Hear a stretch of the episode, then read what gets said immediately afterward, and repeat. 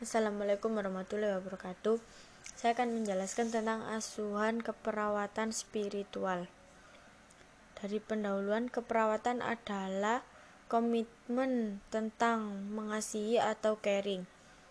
Dua elemen perawatan kesehatan yang berkualitas adalah menunjukkan kasih sayang pada klien sehingga terbentuk hubungan saling percaya. Rasa saling percaya diperkuat ketika perawat menghargai dan mendukung kesejahteraan spiritual klien. Menerapkan proses keperawatan spiritual klien tidak sederhana atau bukan sekedar mengkaji praktik atau ritual keagamaan klien saja. Memahami spiritualis klien kemudian secara tepat mengidentifikasi tingkat dukungan dan sumber yang diperlukan membutuhkan perspektif baru yang lebih luas. Perlu belajar memahami aspek positif dari spiritualis klien, mendukung dan mengenal klien dalam memberikan asuhan keperawatan yang efektif. Pengkaji satu asuhan keperawatan akan menjadi terjadi bila terbinanya hubungan saling percaya antara perawat dan klien. Aspek spiritualitas selalu dipengaruhi oleh pengalaman kejadian dan pertanyaan tentang kejadian penyakit di, di rumah sakit. Oleh karenanya, pengkajian dapat menjadi kesepakatan untuk mendukung menguatkan spiritual klien dan menjadi terapeutik. Perawat yang memahami pendekatan konseptual penyeluruh tetangga tentang pengkajian spiritual akan menjadi yang paling berhasil. Kapan pengkajian dilakukan? Pengkajian sebaiknya dilakukan setelah perawat dapat membentuk hubungan yang baik dengan pasien atau dengan orang terdekat pasien atau perawat telah merasa nyaman untuk membicaranya. Apa yang harus dikaji? Informasi awal yang perlu digali adalah A. Afiliasi agama 1. Partisipasi agama klien dalam kegiatan keagamaan 2. Jenis partisipasi dalam kegiatan keagamaan B. Keyakinan atau spiritual agama. Praktik kesehatan. Diet, mencari dan menerima terapi atau upacara keagamaan. 2. Perspektif penyakit, hukuman, cobaan terhadap keyakinan. 3. Strategi coping. Pengkajian lanjutannya adalah pengkajian pada subjektif konsep tentang Tuhan atau ketuhanan, sumber harapan dan kekuatan, praktik agama dan ritual.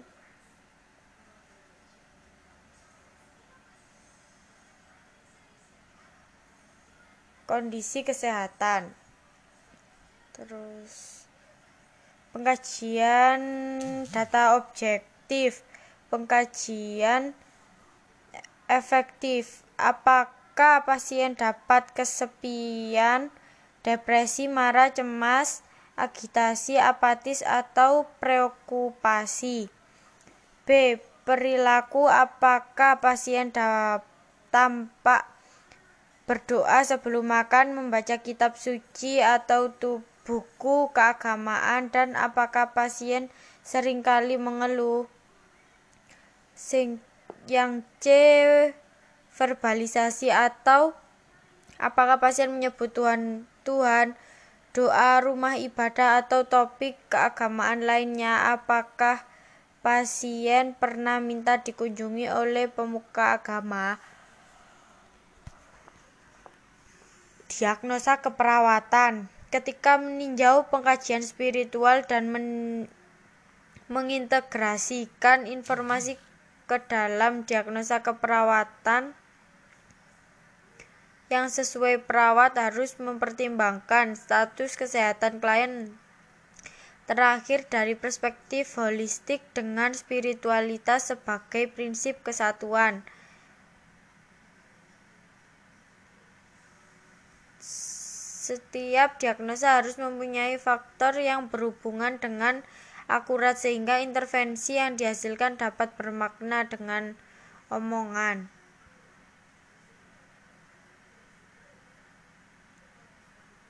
Bermakna dengan berlangsung.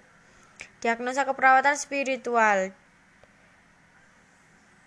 Distres spiritual adalah kerusakan kemampuan dalam mengalami dan mengintegrasikan arti dan tujuan hidup seseorang dihubungkan dengan agama orang lain dan dirinya. Diagnosa keperawatan spiritual. Ruang lingkup diagnosa keperawatan distres spiritual. Yang A berhubungan dengan diri meliputi mengekspresikan kurang dalam harapan arti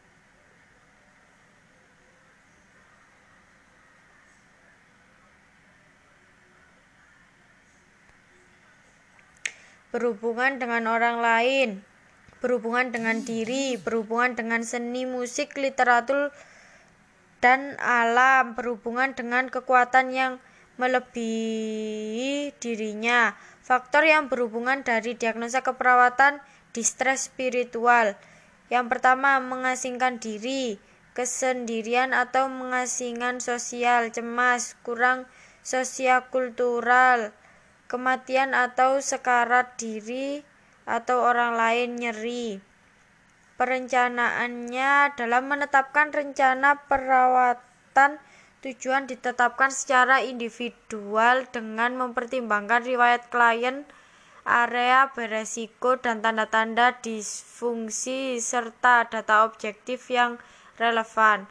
Tujuan askep klien di stres spiritual berfokus pada menciptakan lingkungan yang mendukung praktik keagamaan dan keyakinan yang tidak bisa dilakukannya.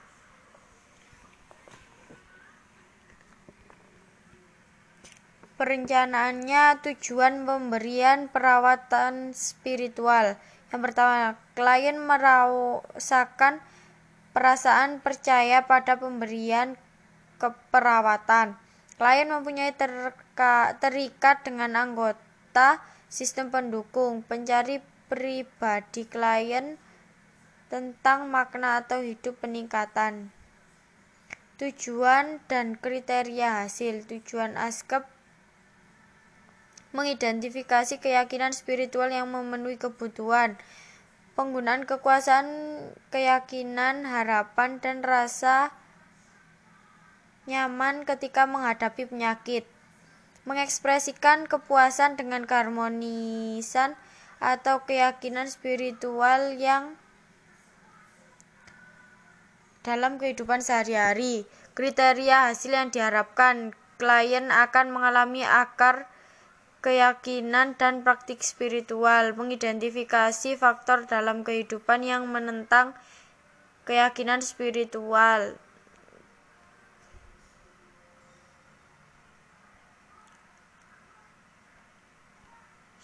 Implementasi Periksa keyakinan spiritual ibadah. Fokuskan perhatian pada persepsi klien terhadap kebutuhan spiritual. Jangan mengasumsi klien tidak mempunyai kebutuhan spiritual. Berespon secara singkat, spesifik, dan faktual. Selanjutnya, meningkatkan kesadaran dengan kepekaan pada ucapan atau pesan herbal memahami masalah klien tanpa menghukum walaupun tidak berarti menyetujui klien.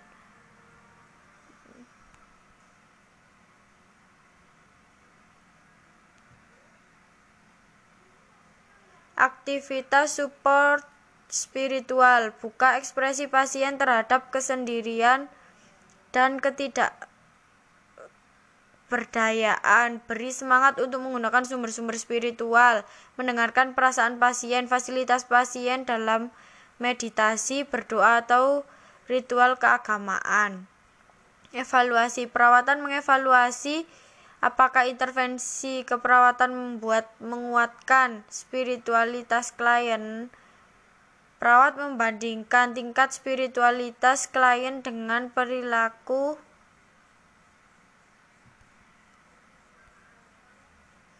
dan kebutuhan yang tercatat dalam pengajian keperawatan. Klien harus mengalami emosi sesuai dengan situasi, mengembangkan cita diri yang kuat dan realistis dan mengalami hubungan interpersonal yang terbuka dan hangat. Klien harus mempertahankan misi dalam hidup dan yakin dengan Tuhan yang Maha Kuasa atau Maha Tinggi.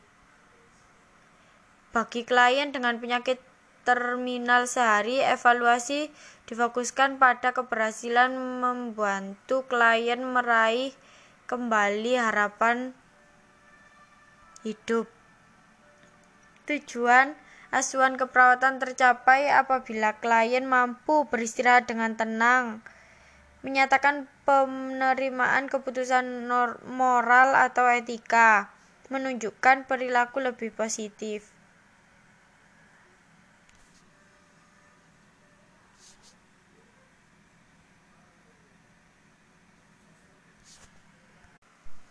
Sekian presentasi dari saya ataupun penjelasan dari saya.